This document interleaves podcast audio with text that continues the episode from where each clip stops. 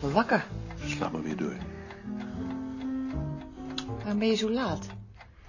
Er was achteraf nog een diner, dat wist ik niet. Hoe laat is het dan? Ehm, kwart over elf. Hoe was het? Het was een succes. Ik ben een groot wetenschapsman. Nee.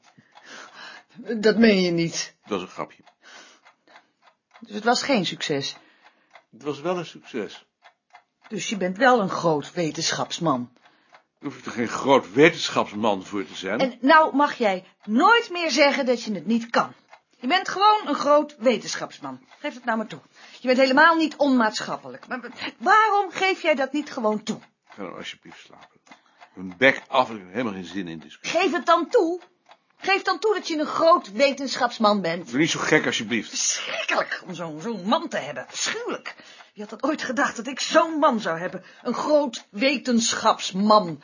Zo'n man wil ik niet. Hoor je me? Dat hoor je. Maar waarom zeg je dan niets?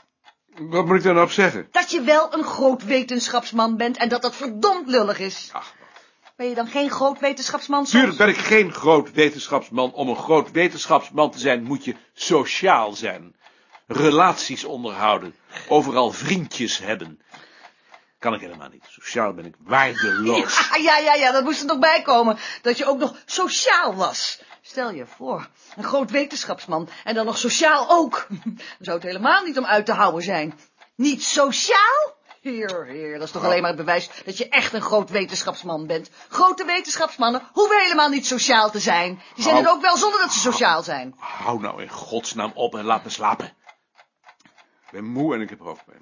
Als je dan maar nooit meer zegt dat je niets kan. Je kunt alles. Hoor je me? Ja, ik hoor je. Je hoeft niet zo te schreeuwen. Alles kun je en ik kan niks. Nee, ik kan alles en jij kunt niks. Als je dat dan maar weet. Ik weet het. En dat je ook nooit meer zegt dat je onmaatschappelijk bent, want dat verdraag ik niet. Nee, is goed. Een groot wetenschapsman, die had dat ooit kunnen denken. Hm, Dat hadden ze vroeger eens tegen je moeten zeggen. Dan had ik me rot gelachen. Dan had jij je rot gelachen. Dan had je ze op hun gezicht geslagen. Dat weet ik niet. Nou, ik weet het wel. En anders was ik niet met je getrouwd. Hmm. Een groot wetenschapsman.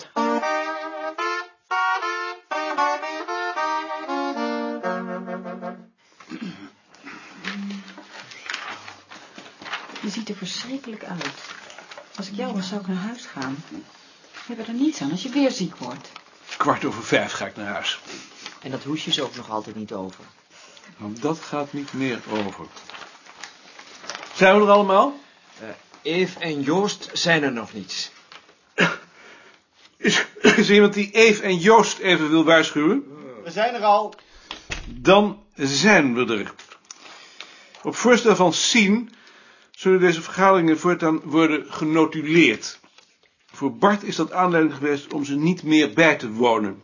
Hij is principieel tegen het maken van notulen, omdat die altijd iemands woorden verkeerd weergeven. Echt, Bart. Zijn er meer mensen die er zo over denken? Ik bedoel, zoals Bart? Niemand? Dan is dat voorstel aangenomen. Is nou bekend of Bart weggaat? Nee, daar is nog niets over bekend. Het wordt wel allemaal steeds professioneler. Het wordt steeds professioneler en niet tot mijn vreugde. Is er een vrijwilliger voor de notulen of moet ik iemand aanwijzen? Oh, dat wil ik wel doen. Graag. Heb je papier? Ik heb het er al op gerekend. Prachtig. Ik heb vier onderwerpen. De nieuwe vragenlijst en het artikel in het mededelingenblad. Het bezoek van Wim Bosman en zijn nieuwe baas. En de vragen die wij bij die gelegenheid moeten stellen. Een voorstel van mij om Frits, Rie en Lien hun artikelen in de komende redactieraad te laten toelichten. En een voorstel, ook van mij, om twee nieuwe artikelenreeksen in het bulletin te beginnen. Iemand die daar nog iets aan wil toevoegen? ik wil een vraag stellen over de nieuwe institutendag. De nieuwe institutendag. En de positie van Freek in de redactieraad, nu die weer in dienst is. Had je mij dat niet beter zelf kunnen laten vragen? Ja, kan ook. Ja? En ik wil een voorstel doen over popularisatie. En Rie over popularisatie. Nog iemand iets? Niemand. Dan begin ik met punt 1. De nieuwe vragenlijst en het artikel in de mededelingen. Ik denk erover om een vragenlijst te maken over de indeling en inrichting van het woonhuis omstreeks 1920, verder terugkomen we niet, als aanvulling op de gegevens uit de boedelbeschrijvingen die tot ongeveer 1900 lopen. En ik zal daarover dan tegelijk een artikel schrijven in het mededelingenblad om de correspondenten duidelijk te maken wat de bedoeling is. En wie moet dat dan bewerken? Ik, Maar jij bent toch met het brood bezig? dat is nu afgesloten. Ik dacht dat je daarmee door zou gaan. Misschien ga ik er nog wel aan door, maar ik wil nu eerst ervaring opdoen met de boedelbeschrijvingen. Dat is een nieuwe bron. Ik wil weten wat daarvan de mogelijkheden zijn. Mijn bedoeling is om te onderzoeken op grond van die boedelbeschrijvingen en van die vragenlijst hoe de scheiding tussen wonen, eten, slapen, koken en werken zich in de loop van de eeuwen voltrokken heeft. Nou, ik weet niet of dat nou wel ons vak is. Dat is ons vak. Maar ik kom nog met een voorstel, dan kun je met je bezwaar komen. En een vragenlijst moeten we toch maken, of heeft iemand een ander voorstel? Lijkt me heel goed. Niemand? Dan kom ik aan punt 2. Het bezoek van Wim Bosman en de nieuwe directeur van de afdeling Geesteswetenschappen van het departement. Balk wil dat gesprek structureren en heeft me gevraagd om punten te verzamelen. Wat moeten we vragen? Wie? Is ook bekend waarom ze op bezoek komen. Om kennis te maken, denk ik. Ja, Wim Bosman kent ons toch al. De nieuwe directeur nog niet. Zou het niet zijn om te zeggen dat we worden opgeheven? Het zijn geen helden, zoiets doen ze per brief. Nou, ik weet het nog niet. Toen bij Henk is er ook iemand van het departement gekomen. Kunnen we die mannen niet vragen of ze van plan zijn om op ons instituut te bezuinigen? Dat kun je natuurlijk wel vragen, maar daar krijg je toch geen antwoord op. En dat plan om vaste plaatsen om te zetten in doorstroomplaatsen. Eh, Misschien dat je kunt uitleggen dat dat op ons bureau helemaal niet kan. Ik weet niet of dat iets is voor de instituutsraad, maar het zou kunnen. En het lijkt me ook wel leuk om het standpunt van de minister over automatisering te weten. Jij moet en zal een computer hebben. Ja, dat lijkt me wel handig. Het lijkt me de ondergang van de geesteswetenschappen, maar ik noteer het. Zou je dat nou wel doen, als het je de ondergang van de geesteswetenschappen lijkt? Ik vraag alleen naar hun standpunt. Ik pleit er niet voor, dat mag Frits doen. En wat ze nou eigenlijk bedoelen met popularisering, want dat wil het departement toch? Daar voel ik niet voor. Als je dit soort mannen daarover laat brainstormen, dan is het hek van de dam. Die grens kun je beter zelf bepalen. Voor je het weet laten ze je historische optocht organiseren. Eh, nou, dat lijkt me wel leuk. Mij niet, moet er niet aan denken. We zijn toch aangesteld om wetenschappelijk onderzoek te doen? Nog een ander onderwerp? Dan kom ik aan punt 3. De vergadering van de redactieraad. Misschien dat we hier de opmerking van Ad kunnen inlassen. Eh, ik geloof dat Freek dat liever zelf doet. Nee, je bent er nou al over begonnen. Doe jij het nu maar. Ad? Nou, ik vind dat Freek eigenlijk niet meer in de redactieraad kan zitten... nu hij hier weer in vaste dienst is. Tenzij hij medeverantwoordelijkheid neemt voor het beleid. Ik, ik, ik, ik, ik- ik, ik heb ook helemaal niet de behoefte om in de redactieraad te zitten. Dat is me gevraagd. En op een heel lullige manier ook nog. Als ik dat hier nog eens eh, mag opmerken. Dat mag je. Ik heb daar zelf ook aan gedacht, maar het probleem is dat niemand van het muziekarchief dan nog bij de vergaderingen zit. Nu Jaring geen redacteur meer is. Kan de redactie niet uitgebreid worden? Wie wou je daar dan inzetten? Freek en Ad? Niet als ik mede verantwoordelijk word voor het beleid. Als je in de redactie zit, hoeft dat niet. Dat is een kwestie van taakverdeling. Dan zou Mark er ook in moeten. Mag ik? Ik, ik wil ook wel in, in de redactie. In mijn ogen zitten jullie allemaal in de redactie. Daar ben ik dan ook tegen. Ik vind dat wel een goed voorstel. Ik ben daar wel voor. Misschien wil Sien zelf ook wel in de redactie. Nee, ik niet. Ik moet daar nog eens over nadenken. We moeten er allemaal nog maar eens over nadenken. Ik kom er in de volgende vergadering op terug. En wat gebeurt er dan met Freek? In deze jaargang nog niets. In dit verband heb ik nog een punt. Ik stel voor dat we in het vervolg de mensen die een artikel hebben geschreven... voor het eerstkomende nummer... vragen om dat in de redactieraad toe te lichten. Dit keer zouden dat dan Frits, Rie en Lien zijn. En krijgen de redactieraadleden die artikelen dan ook van tevoren toegestuurd? Tuurlijk.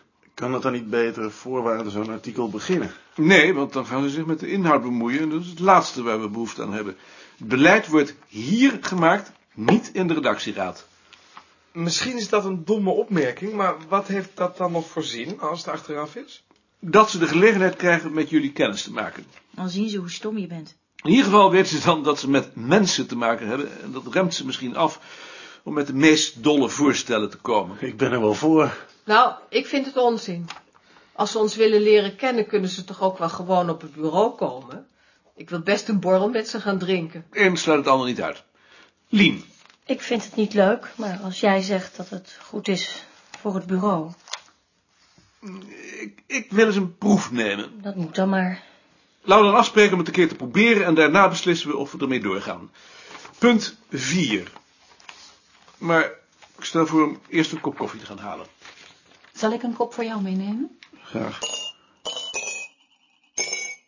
Ad, wat was dat voor aanval op Freek? Het irriteert me dat hij zich altijd aan de verantwoordelijkheid onttrekt.